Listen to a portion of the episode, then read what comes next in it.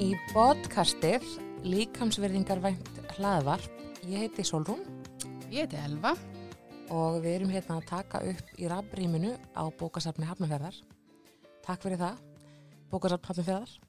Uh, í dag ætlum við að taka upp svolítið öðruvísi þátt. Okkur langar svolítið bara að fjalla um það sem er efsta bögi, það sem er í umræðinni. Um, Elva, ég veit að það er búið að vera margt í gangi hjá þér. Já, Hvað er svona búin að vera efst á, á bögi svona líkamsverðingarlega séð?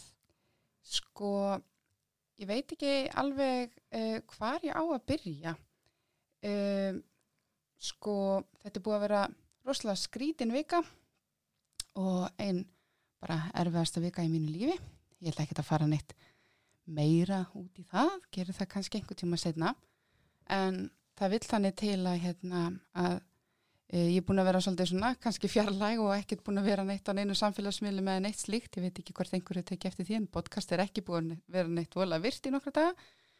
En við ákveðum samt að taka upp þátt í dag og, og hérna ætlum svona að tala um svona hvað er svona efst á baugi og aðeins bara svona babla Mm um svona þessa viku og hvernig okkur líður og hvað er búið að vera kannski fréttum og eitthvað svona. Já. Uh, fyrir svona mig persónulega er þetta búið að vera náttúrulega skrítin vika. Og hefur samt alveg haft svolítið áhrif á svona bara kannski mína líkamsvirðingar vinnu uh, og mitt bara svona þakklæti til líkamanns Mhm. hefur aukist rosalega. Ég pínu á þeim stað að ég er svolítið að hrista hausin yfir eigin áhyggjum undanfarnar bara áratuga. Mhm. um, þá er ég bara að tala um hjá sjálfur mér sko. Uh, og er allt innum bara svona að sjá líkama minn í öðru sér ljósi og, og kann að meta hann allt innum betur. Og þegar maður er að upplifa náttúrulega erfiða daga þá þarf maður náttúrulega líka að svolítið bara finna ákveðin rithma og, og reyna að halda í einhverja rútínu. Mhm.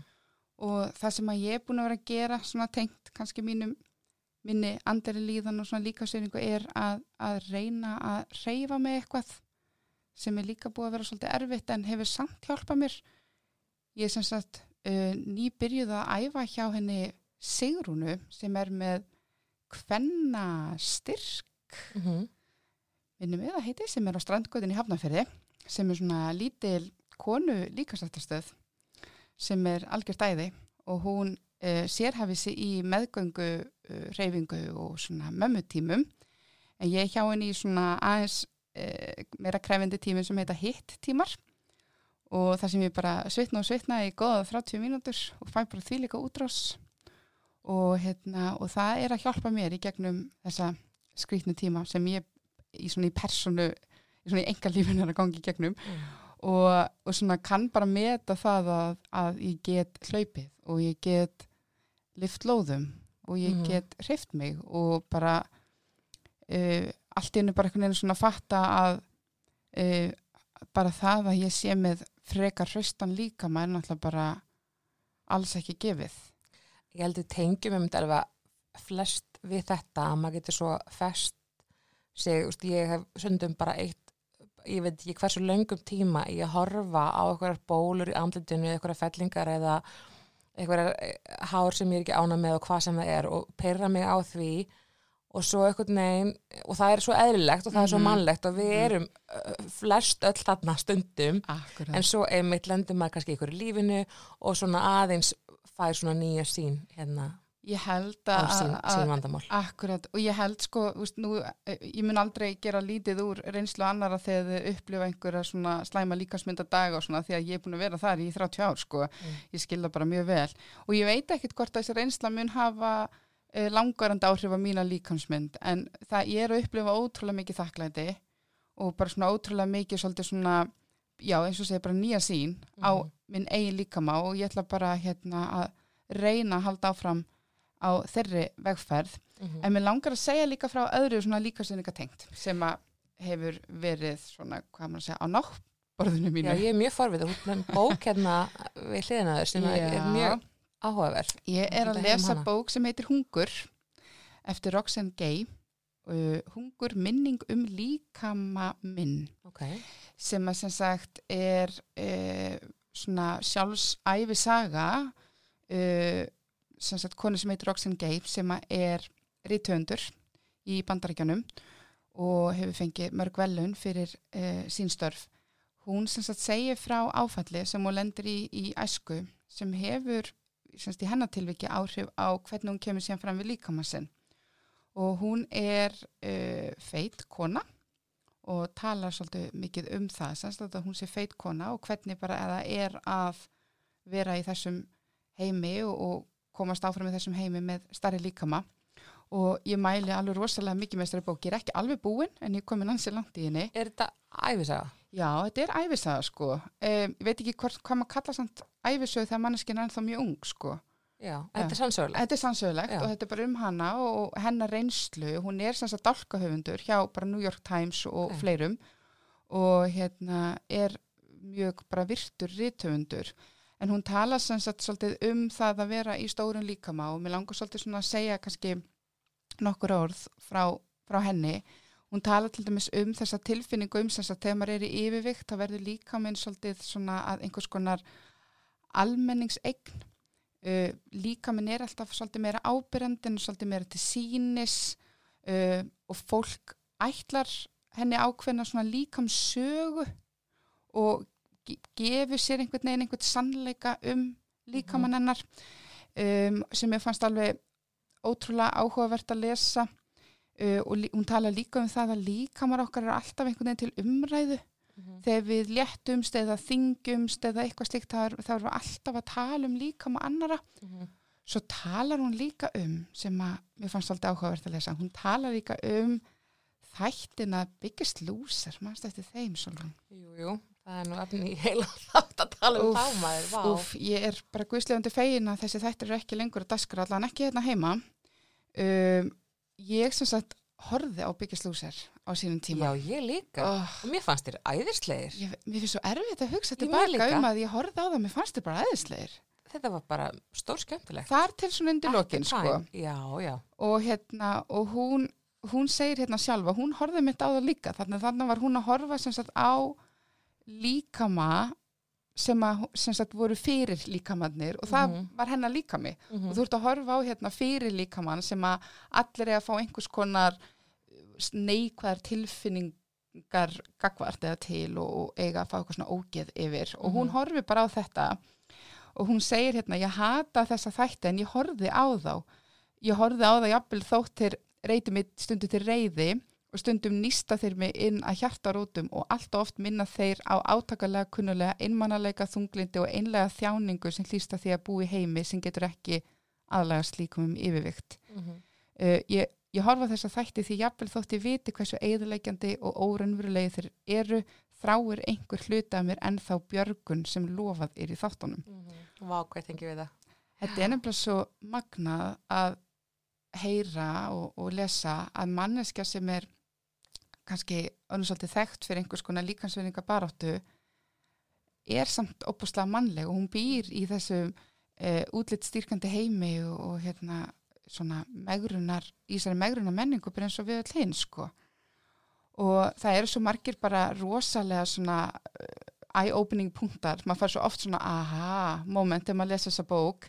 Hún tala til dæmis um ópru Mm og bara hvernig það hefur verið sem bara feit kona, dökk og hörund að fylgjast með fyrirmyndin í lífinu uh, endalust í megrun Mhm. og það er alveg magnaðið mitt að maður hugsa tilbaka ópra, þessi fræga flotta fyrirmynd sem er uh, milljaramæringur og hún er sko komin á sjötugsaldur og hún er alltaf í megrun Mhm. og einhvern veginn aldrei sátt við útlitið sitt nema þegar hann er í, með, minnsta líkamann sinn. Og bara það að horfa á svona ótrúlega stóra fyrirmynd tala svona um feitan líkama sýnir okkur bara hvað veist, þessi megruna menning er bara hvað við erum í rauninni bara gegn sýrð af, af þessari megruna menningu.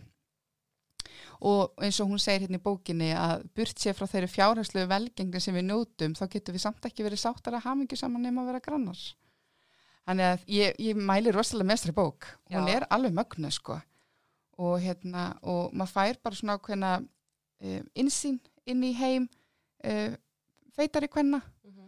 og hérna og bara svona, einmitt, en þá, þetta var svona partur líka svona minni þakklætis vinnu, sko, margt sem að Roxanne Gay er að gangi í gegnum sem að ég er ekkert að gangi í gegnum, sko. Þannig þetta eru svona, þessi stóri þættir kannski í minni viku á svona öðrum hlutum. En ef við tökum aðeins hérna, tökum upp aðeins, ég veit nú kannski hvort ég, á að segja léttara hjál, af því þetta er kannski, þetta er ekkert mynd léttvægt, en svona í, í umræðinu, þú vorst að nefna að, að við erum alltaf einhvern veginn að horfa á líka með annar og fylgjast með og við mikinn áhuga því hvort að fræga fólki sé að grannast eða fitna. Og það er einhvern veginn stöðugar fréttir af því endalus uppspretta hver er búin að letast og hver er búin að fitna. Og nú er nú búin að vera hún Rebel Wilson Já, svolítið í, í fréttum að hún sé í, í vegferð og það sem, það sem trubla mig, sko, mér finnst alveg fínt hún er að reyfa sig og, og hún er að okkur mataræði okkur magagerlar og bara veist, frábært hjá þér, Rebel. En það trubla mig virkilega það tal um að hún ætli sér að verða 75 kíló, hún er með eitthvað kílóatölu ég veit alveg að flestir að mjög margir eru með eitthvað kílóatölu mm en, en það er samt óþólandi að það sé fókusun. Akkur gæti ekki fréttin bara verið hei, Rebel Wilson er í heilsu átaki, þú veist, eða eitthvað. En það, þetta snýst aldrei um það. Og svo var ég að aðra frétt hérna í, hvernig var það, í, fyrir nokkurum dögum síðan, hljóp af sér 77 kíló. Og það er við, við einhverja, eh, nei, frétt um einhverja konu Mm. Bandaríska sem að lendi hérna, maðurinn er helt fram hjá henni mér var ólétt og hún ákvað að breyta um lífstíl. Ok, bladi bla, léttist um einhver, já, 70 kíló. Pointið það sem er lítið talað um er að hún sérst, þetta er kona í bara lélögu formi sem fer síðan bara uh, á nokkru mánuðum í rauninni bara í, kemst í frábært form og fer að hlaupa hérna, taka át í, í veist, getur það ekki verið fréttin? Akkur getur fréttin ekki verið bara tókst að koma sér í form og hlaupa marathón á x mörgum mánum? Akkur þarf fréttin að vera hvað hún misti mörg kíló? og paldi því bara að við skulum búið þannig heimi að það að missa einhver kíló er fréttnæmara og merkilegra en einhver hljóp marathon. Já, einmitt. Það er bara stór, stór skrítið. Það minnir mig líka bara á umröðuna fyrir bara nokkrum vikum, þannig að ekki langt síðan við vorum að tala um Adele. Mm Já, Það alveg bara, ég, mér langaði að skalla vekk þá sko. Adele, einn besta söngkon í heimi, búin að vinna til svo margra verðluna og það látið eins og það að hún skuli grennast og mér langar bara að minna á, hún er að grennast í kjölfara af skilnaði. Hún á barn, á hún ekki barn, Jú. og hún er skilin. Ég held að við þekkjum öll svona hvaða áhrif það getur haft á líkamann okkar að gangi gegnum einhvers konar stóra breytingur á áföll. Og oft er það ekki af góðu sem að fólk er alltaf unni að grennast Ekkert svo langt ekki. frá því. Og það að, að hennar líka mig skuli vera bara svona ótrúlega fréttnæmur núna og hérna og allir einhvern veginn að rósinni fyrir að vera að taka, fyrir að hvað, taka minna pláss í heiminum. Mhm. ég vil bara ekkert að Adele taki minna pláss í heiminum En ég verð alltaf, af því nú er ég feitt, og mér er alltaf pínu leðilegt, svolítið skrítið að segja þetta, alltaf svolítið leðilegt að missa, að missa eina feita úr Já. okkar röðu.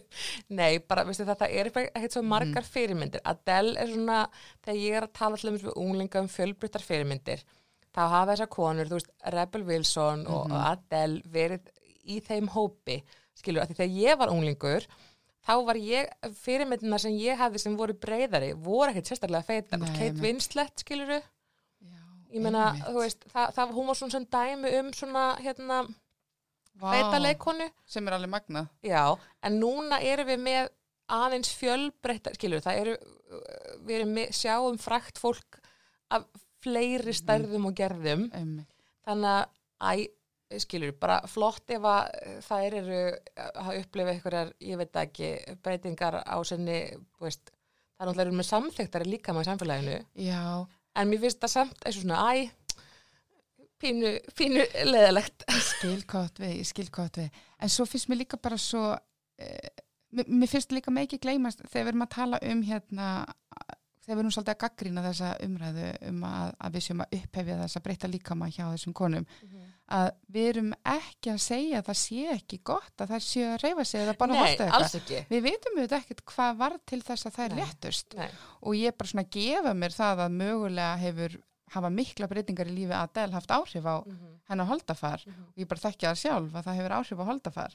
Og ekkert af góðu. Og, og bara gef mér það að það gæti haft áhrif þarna. Og svo erum við að upphefja þetta auðvitað frábært ef fólk vil bara borða hollan mat og, og hreyfa sig og við stýðum Algjörlega. það, það er náttúrulega e- ekkert nema bara fínasta líkansveringi því. En Solrún, þú varst að segja mig frá flottri fyrirmynd sem ég þekkt ekki, íslensku stelpu. Já, já, segja okkur frá. Já, því við ætlum ekki bara hérna að vera að kvabba, við ætlum að, að líka að vera með hérna svona jákvæðar uppbyggilegandi uppbyggilegar fréttir segi ég. Einmitt. Nei, það er hún Ísolt Haldurdóttir, ég er búin að fylgja henni svolítið á Instagram og ég Mhm. sá viðtal við hana í fréttablaðinu sem var núna, hvenær var það? Þrít, jú, það var bara í gær. ok, En hún er íslensk fyrirsæta, hún er bara 20, er, hérna stundur hún segja að vera 24 ára og hún hefur notið bara hérna svona fengið alls konar alþjóðlega tækifæri uh, unni með þekktum vörumerkjum, Marc Jacobs um, hún er uh, hérna í, hvað segir maður, yfir, yfir Já. stærð, já, já. Hún er feit og hún er sjúklega flott típa. Hún er ógislega flott, ég, ekki- ég vissi ekki er af þessari stelpu geggjaðar, fyrir hún á síndi mér. Instagram eru geggjar og ég er ekkert vissum að Íslendingar margir viti af henni því hún, hún, hún vann eitthvað keppni. Ok, hitti Kendall Jenner veit ég ég sagði hvað annað viðtal við hann líka. En sko ég sé hérna- hún er með 22.000 followers, followers. Heitir Ísolt Já. Halldóruðdóttir á Instagram og vá vá, mér hún bara mjög töff er og hún er eins og segi einu af þeim sem ég er að fylgja hann á, á Instagram. Já, Svo voru, já, já, við erum með fleiri, fleiri jákvæðar fréttir sem betur. Það er Já. þetta, hérna, Margrét Mokk, hún nú alltaf flott, hún var Já. í viðtali núna í helgarblaði Deva, fyrir fréttum hana í morgun og fyrirsögnin er ég vil sína hvern líka mann sem sterkan, fyndin og skrítin. ó, mér skemmtilegt. fyndin og skrítin, Já, ó, ég elska svona. ok, já, og hún er líka nýbúin að ganga með bad Já, hún er um að tala um að tala um þetta sko, að vera hérna, hún var einmitt fekk eitthvað skilabóðum og hún var í feit, hún var ekkert feit en fekk Mhm. samt einmitt skilabóðum það, en hún segir líka að vera feitur því ekki að vera ljótur. nei, einmitt er hún er skemmtileg fyrirmynd svo er ég búin að vera að fylgja annari stelpu á, á Instagram Mhm. ef að fólk vil hérna fá eitthvað annað til að skoða þá er, veist, að það er svo yndislegt hvað er hægt að hérna uh, hafa áhrif á hvað við sjáum á þessum samfélagsmiðlum. Uh, það er ein sem heitir, ég veit nú ekki hvort ég er að bera nafnið hennar rétt fram, hún heitir Mick Sasson M-I-K Ok, hver er það? og þetta er uh, ég held hún sé nú frá bandarækjanum um, hún er með halva miljón fylgjenda á, á Instagram en hún sem sagt er svona body positive uh, uh, hérna, áhrifavaldur með áherslu á sem sagt sko húðina.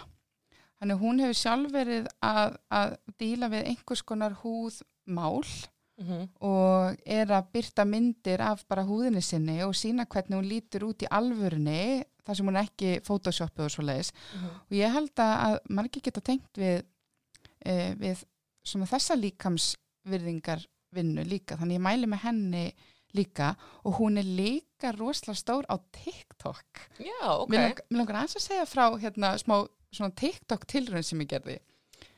Ég er semst fertug á TikTok. Ég veit ekki alveg hvað það segir um mig. En ég semst var á TikTok áður en ég fekk mér nýjan síma og þar var ég búin að velja alls konar svona moms of TikTok, hashtag, uh, body positivity, fat acceptance og svo leiðis og TikTok var bara æði og alltaf þegar ég opnaði TikTok og byrjaði að skrolla svona niður þá fekk ég alltaf bara einhverju svona e, svona líkamsvirðingar dansa eða skilaboð eða eitthvað slikt og svona mömmu skilaboð og svona real mömm, svona raunveruleiki maðura skilaboð og ég Mhm. elska þetta svo fekk ég nýja síma og þurfti einhvern veginn að installa þessu appi aftur og tapa þess að svona mínu accounti og er núna semst ekki búin að velja neitt og það er ekkert einhver hashtag eitthvað inni þannig nú sé ég það sem ég held að margir aðri sjá sem ég bara vissi ekki að vera hann inni. Nú sé ég bara svona eitthvað. Já. og þá er ég að sjá þetta sem að ég held að unga stelpur sé að sjá sem eru bara svona uh, ótrúlega, komur að segja uh, sætar stelpur með svona líkama sem er samþyktur á samfélaginu og að dansa og er að gera frábæra hluti og allt gott og gilt og þær eru bræðistar og allt það en þetta hefur uh, þetta gerir rosalega lítið fyrir mig ef eitthvað er það hefur þetta neikvæð á mig Já. að vera að horfa á þetta þannig að uh, ég, ég fekk bara svona að pröfa það á eigin skinni áhrif þess að stjórna samfélagsmiðlunum þínum Mhm.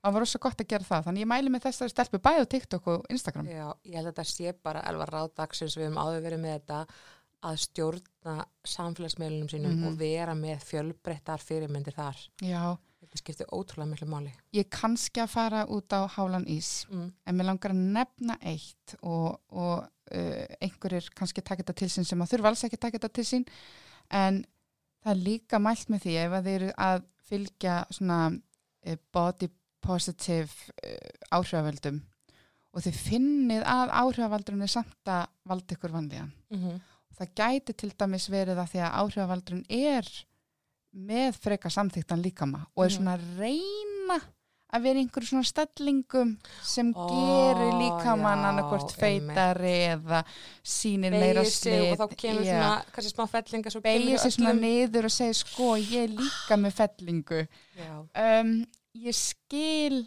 persónulegu vegferðina hjá viðkomandi eins og við höfum talað um aður, þá er Mm. líka mynd óháð útliti. Já, Akkurat. Og allir eiga bara rétt á sínu Instagram Mhm. skiluru og auðvitað má viðkomandi vera þarna og nær mögulega til rosastór hóps af einstaklingum sem að líkjast þessum áhrifavaldi og eru ymmit að upplifa það líka ef ég sest svona niður þá fæ ég smá fellingu. Mhm, bara ok, gott að vita það er eðlilegt. Mhm, en ég held að sé líka alveg ótrúlega stór hópur þarna úti sem eru bara svona oh, really? Já, og ég mæli með að þó að áhrifavaldurinn heitir eitthvað svona body positive ef, hann, ef að þér finnst hann stuðandi eða hún, mhm, hann stuðandi og þú tengir ekki við þetta útlit mhm. bara eigða þig og finna einhvern annan sem líkist þér Það eru nefnilega margir á bópó vagninum Mhm. sem maður segir og eins og þú segir, það er kannski ekki allt þó að það sé mert body positive þá, þá þarf það ekki endilega að vera að það hendi, Akkurat, og, ég, og ég er alls ekki á því að fólk megi ekki vera á þessum vagni. Nei, alls ekki alls sko. Ekki, mér finnst en, bara en, allir sem vilja og, og eru með svona jákvæð skilabóð bara gott Mhm. og gilt. En við getum valið Já. hverju við ætlum að fylgja. Og ef það er einhver þarna úti sem er á þessum vagni og er að reyna að sína líkamann sinn í sem neikvæðast að ljósi og, og ég horfi á hana líkama og er bara í alvörunni, mér finnst, þú veist, það er ekki dansu líkama eða, eða ég vildi lítið svona út og ef ég detti svona hugsanir, Mhm. þá er þetta kannski ekki að hjálpa mér að, að vera að fylgja þessum þessum aðila, sko. Þannig að það er svolítið kannski bara að skoða það. Herri, þú nefndir eitthvað frétt við mig, þú varst eitthvað að tala um hann Zac Efron. Já, Ég sá hann nú bara, hann var í þessum þætti þarna um, um hérna í, í, Ísland. já, Íslands, já, þetta er svona þáttaseri á Netflix, sko og fyrsti þátturinn fjallar um, um Ísland og svona sjálfbært land og, og allt svo leiðis Mhm. og hann mætir þarna í þáttinn og, og, og þegar þetta kemur á Netflix að þá er alveg svona stór hópur sem að tekur eftir því að hann hefur hans þroskast, hann sakka frá vinnur okkar Já. og hérna mögulega búin eldast um nokkur ár og hérna bara eins og kemur fyrir okkur öll en umræðan um hans breytingu og breytingu á útliti og, og líkama var svolítið áhugaverð og fór í svona aðrar áttir oft en umræðan þegar kona breytist og þroskast. Um, ég fór aðeins og googlaði Mhm. og þá er sem sagt googlið Saka Efron dad bod og svona sexy dad bod og þú finnur fullt af myndum og, og hann á að vera orðin sko mýgri en, en áður en það er allt sett upp á svona koma að segja jákvæðan máta sko að auðvitað er hann örlítið mýgri núna hann er náttúrulega búin að þroskast sko auðvitað er, lítur hann ekki eins út og þegar hann var í einhverju Guð, nú kemur mér ljós hvað ég veit lítið um Zac Efron. Var hann ekki eitthvað svona Superman eða eitthvað? Ha, Batman? hann. Nei, ég veit það ekki. Í, hann var í einhverju Hann svona var í High mynd. School Musical. Ég veit það, ég veit það, ég veit Já, það. hann En einhverju... hann var í einhverju annari mynd þar sem hann þurfti Ok. að komast í eitthvað svaka Já, svona ok, ok, ok. íþróttaform. En á hann börni, er da- dadbot bara svona ka- Ég kalla ekki hugmynd um hvort hann Við við barna ekki. Unnum ekki vinnun okkar varandi Efron. Nei, en sko, um hann. kannski pointi með veist, þessu, þú veist, ég vildi ég hefði googlað þetta aðeins betur, það er sko það er svo mikill munur á því hvernig við tölum um deadbot og svo mombot Mhm. og einhvern tíman sapnaði ég sem sagt, ég setti þetta held í Instagrami mitt, ég sapnaði sem sagt saman uh, hvað, 20 efstu fréttum ef þú googlar deadbot Já. og síðan Vá. 20 efstu fréttunum ef þú googlar mombot Mhm. og bara hvernig er talað um þessa líkama, það er, þetta er eins og að bera saman, ég veit ekki, epli og harðfisk, sko. Þetta er, er allt öðrisi umtal. Mhm. Þegar kemur að deadbot, þá er það í rauninni bara þannig að, veist, mennirnir eru þarna þroskast og breytast og eldast og líka minn breytist með og í stað þess að gaggrina það og, og, og, og reyna að setja það alla í sama mótið einhvern veginn og láta það alla breyta líkamann sinu, þá bara upphefið við þessar breytingar Mhm. og kallum þetta bara eitthvað annað og þá allt einu núna er þetta óbúslega sexy að vera með dadbot en þegar þú googlar mombot eða breytingar á mömmunum þó sé kannski örlittla breytingar núna í rétta átt þá erum við ennþá að upphefja konundar sem að til dæmis komast strax aftur í hvað maður segja, sama form eftir fæðingu Mhm. og alltaf eitthvað svona losnaði strax við auka kílóin eða orðin mjó aftur eftir tvo mánuði, neina, eða fjóra vikur eftir fæðingu eitthvað. Og það er magna að sjá þennan mun og ég bar allar þessar fréttir saman og setti þetta í svona eina möppu á Instagram og var að skoða myndirnar þegar allt einu bara svona kom upp í huga minn er bæðar að magna að sjá þennan mun og sjá hvernig er talað um dadbot versus mombot og svo þegar maður fattar að þeir gangi ekki einu sinni með botnið og þeir fá miklu meira svigurum til þess að vera mjúkir Mhm. ég fekk bara svona nei, Mhm. hættu magna, Já. en já, sem sagt Zac Efron búin að breytast og nú er hann bara sexy dadbot típa sko. Ég, ok, ég tók ekkert eftir þessum líka mann þessum þætti, Nei, en ég sé að hann leikir Baywatch, þá er hann kannski að komast í fórum, nýju Baywatch já, en hann saði einhver tíman ok, ég googlaði hann pínu. Já, hann saði einhver tíma þegar hann var í einhverjum svona þáttum eða mynda sem hann þurfti að vera rosalega hvað maður segja, íþróttalegur. Mm uh, ég veit það lítið, ég veit ekki sný hvaða mynd það var. Þá saði hann einmitt sko, það hefði verið bara hræðilegu tími já, ok. hann bara þurfti að skera sig það mikið niður að það hafði bara ótrúlega neikvæð áhrif á hans bara líðan almennt. Já, þannig þetta er ekkit uh, líkamsvöxtur sem honum er ætlað að halda. Nei, nei. En ég með talandum kallmennina, ég var að segja frá því að ég hefði hlustað á hérna, eh, podcastið hans hérna, viðtalið hjá við Ólafdara já, sem Sölvi Tryggva tók. Og það var svo geggja viðtal fannst mér. Og æðislegt Ólafur Dar er náttúrulega bara stórkostlegur og dásanlegur hvet Ó, alla ég til að hlusta þetta viðtal. Oh my god, já, ég líka. Nei, en það var bara svo margt flott sem hann var að segja. Já, og bara, það var mjög, fannst mér svona líkansverðingavænt og, og já, hérna og feminist feminist viðtal, ég var mjög ánum með þetta já, ég mælu með þessu líka, þessu viðtali. En, en, en það er einmitt velt ég, og ég hef ekki hugmynd um það en nú bara hefur hann notið bara virkilegar velgengni og maður þú veist, það einmitt veltir, veltir fyrir sér þú veist, hvort að hérna, konur með sama líkansvöxt fengju sömu og sé að fá sömu sömu tækifæri, þú veist, það er ekkert Mhm. mikið við sjáum ekkert mikið af stórum konum í Hollywood. Nei, ymmit og, og, og þær konur sem við sjáum er að fá allt öðru þessi uh, komur að segja hlutverk já, heldur en stórir menn. Já, algjörlega. Það er rosaleg stereotýpa í kringum feitar leikonur mm í þáttum og, og, og bíómyndum það er alltaf svona finna klaufalega vinkonan. -hmm. einhvern veginn, meðan stórir og feitir menn eru oft hetjutnar eða vondigaurin eða Mhm. sterkigaurin þeir fá svolítið svona fjölbreyttara úrval af hlutverkum. En aftur, við erum samt að sjá aðeins meiri fjölbreytni Já, heldur en var fyrir held í 20 árum einmitt. í þáttum. Og við erum að sjá eins og ég held að það hefði ekki gert fyrir einhverjum árum að við erum að sjá eins og hvað heitir hún leikur í This Is Us?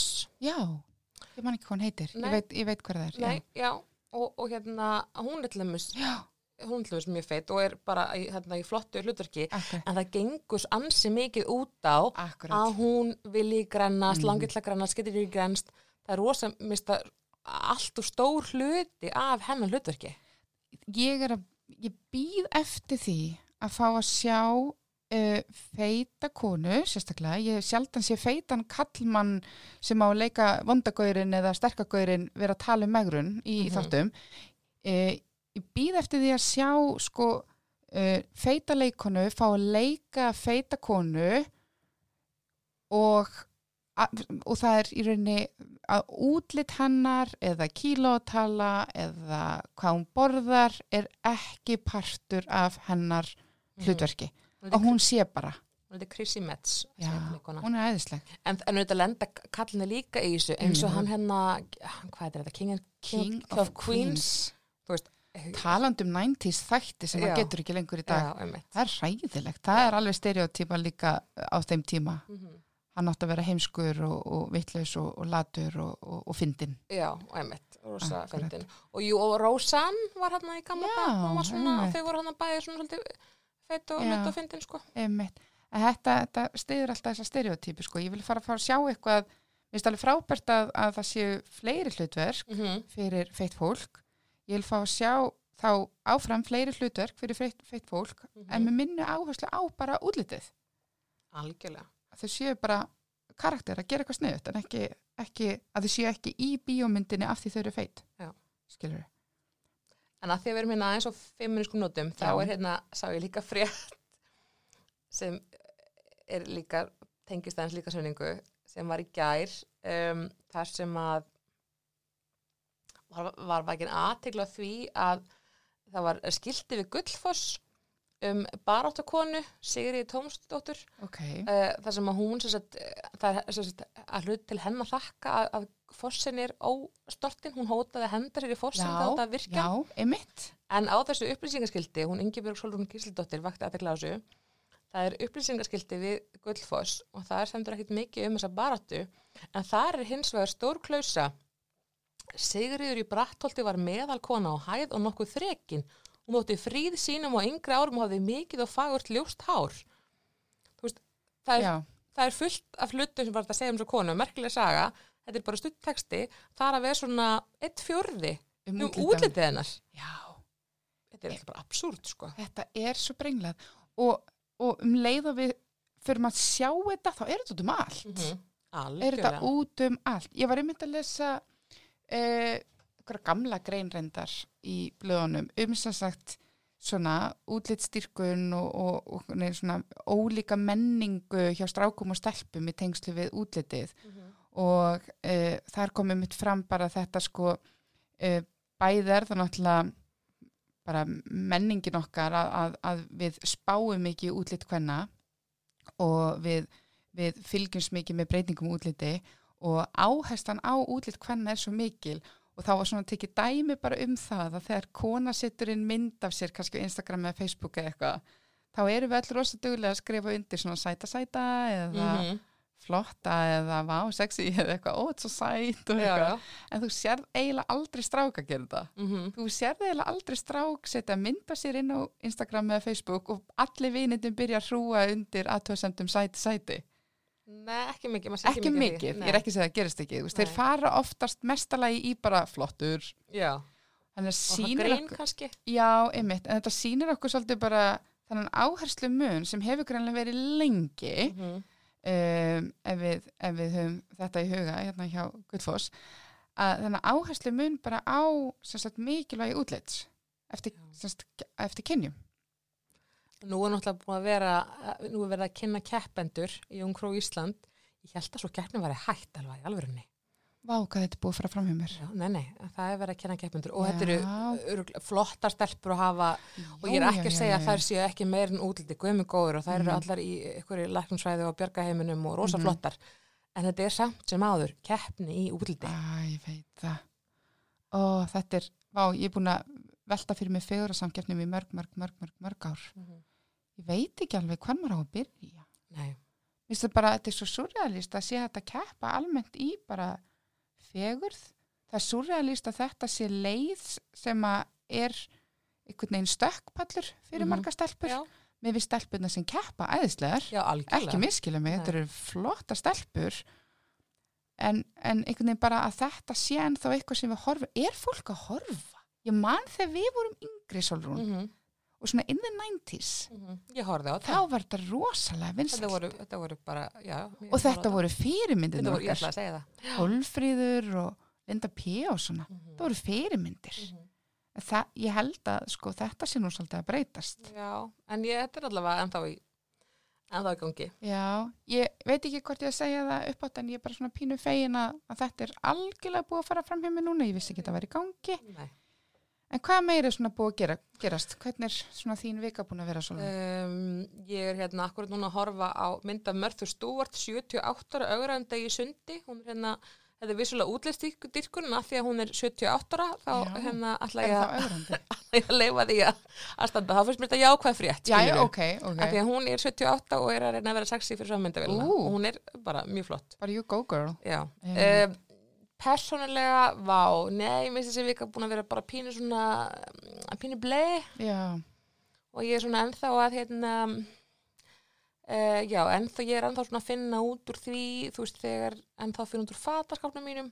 Þú veist, þegar var ólíkt var ég voða mikið svona, svona þröngum fötum að sinna bumbuna til lokin. Já, og núna vil ég fela bumbuna ég vil ekki allir halda ég sé ólíkt að öðrum barni sem ég er ekki.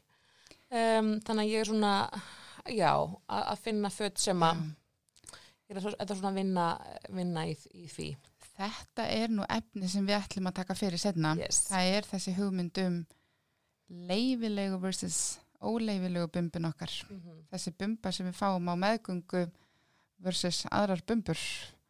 Þetta er alveg efni í Já. þátt sem að, og við höfum heyrt margar konur um að tala um að hversu svona stoltar þar eru uh, yfir bumbunni sinni á, á meðgöngu já, og jafnvel örlítið eftir meðgönguna þá er þetta bara svolítið svona leifilegt að vera svolítið Mhm. mjúkur og svona svo gerist eitthvað eftir einhverja mánuði og já okkur finnst þetta ekki lengur veginn í lægi En varst þú ekki að tala um að því ég er líka búin að obsessa yfir minn ekki nógu góð ég er svolítið búin að vera Já. að stara á húðina og hugsa um hvað hún sé ljótt en hérna varst þú ekki með ykkur húðgælu? Ég var að segja á það? Þarna Já, það var hún hún, er, hún heitir Mick ég, ég sagði held ég allt nafni á þann. Já, hún er alveg frábær. Ég, ég eigum kannski enda á svona ráði. Já, ég Má- þú varst með eitthvað annað ráð. Já, ég held sko ég veit ekki alveg hvort ég sé með uh, einhver uh, glæn nýráð í dag en við höfum talað sagt um það hérna áður í, Mhm. í hlaðvarpinu okkar að, að velja svolítið samfélagsmiðlana sína og velja fólk sem að líkist þér og, og hafa jákvæð áhrif á þig. Uh, og ég var einmitt að tala um áðan að, að mögulega fara aðeins í gegnum það betur hvað þú ert að fylgja þó það sé eitthvað svona Já, body positive, aðtöðsamt er það að hafa jákvæð áhrif á mig. En sem sagt, það er stelpa sem heitir Mick Sasson. Hérna. Og hún er svona body positive stelpa og, eða kona.